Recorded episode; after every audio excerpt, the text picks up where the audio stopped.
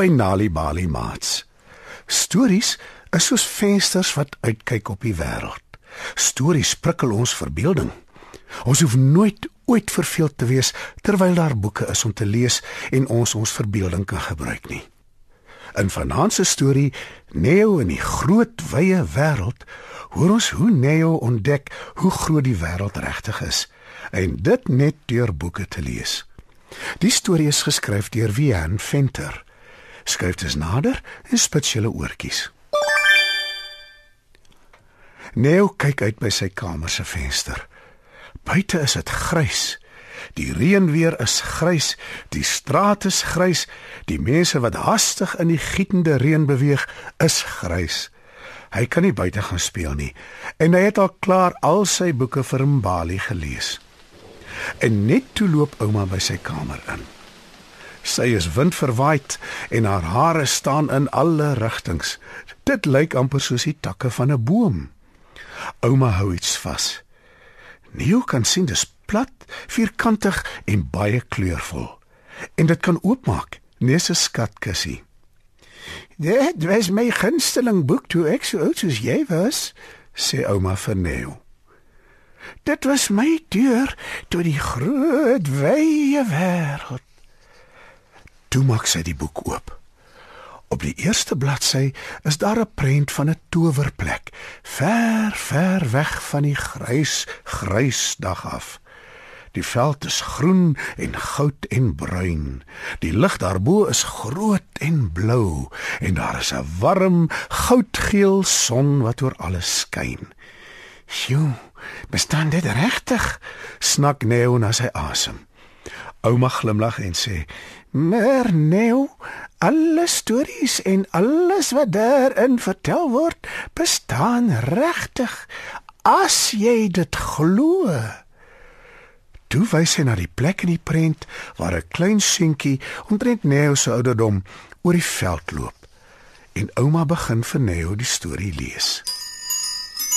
Terwyl ouma lees, maak Neo sy oë toe en in sy gedagtes glip hy weg oor die heuwels, oor die groot bruin aarde, ver weg na die groot wye wêreld toe. Hy hoor die stemme van die veld. Kom uit, kom uit, sing 'n klein voeltjie. Dis 'n pragtige dag, sê sy sonbesies. Kom weg. Kom speel. Fluister die wind in die lang gras.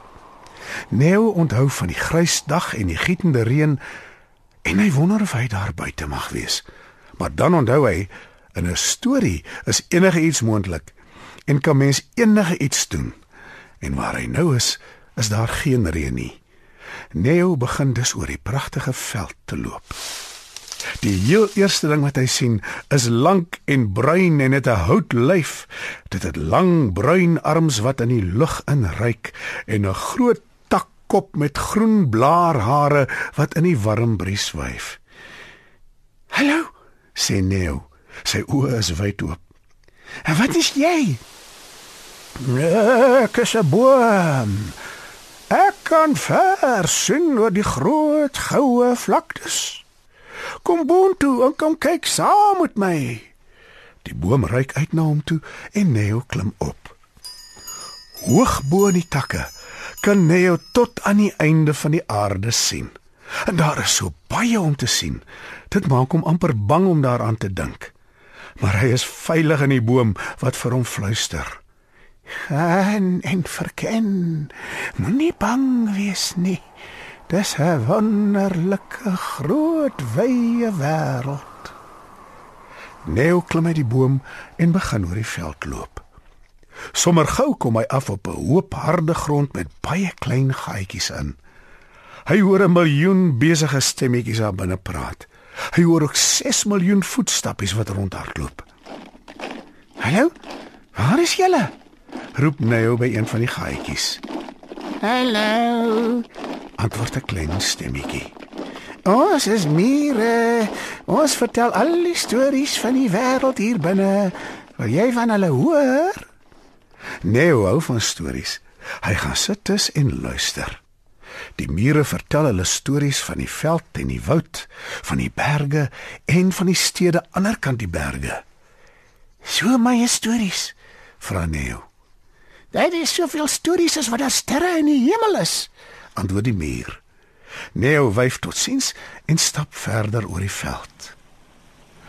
Eindelik kom Neo by 'n klomp water wat van vroeg tot laat heeldag elke dag deur die vallei reis.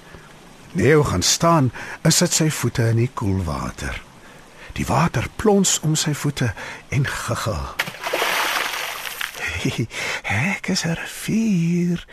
Ek swerf van die berge tot by die see. Kom, volg my. Ek sal jou huis toe neem. Neo besluit dis 'n goeie idee. Hy volg dus die rivier deur die vallei en tussen die berge deur. Saam wandel hulle die hele middag totdat die son naderhand begin sak. Eindelik bereik Neo die piek van 'n heuwel.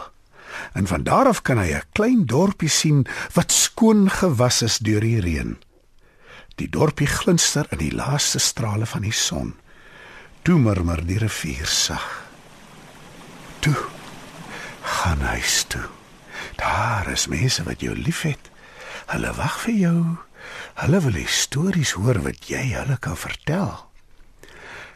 Neo klim af by die heuwel tot by die dorpie. Hy sien die besige strate. Dit lyk nes riviere. Hy sien die huise verlig in die warm aandlig. Binne in die huise is die mense besig nes die mure. Eindelik kom Neo by 'n huis waar 'n ouma met sterk arms en windverwaaide hare wat net die takke van 'n boom lyk, 'n boek toemaak. Sy buig oor en soen 'n klein seentjie goeie nag. Neo dink oor die veld en die boom. Hy dink oor die mure en die rivier. Toe kyk hy na die ouma. En skielik verlig 'n reënboog die huisie so helder dat dit soos 'n prent in 'n storieboek lyk.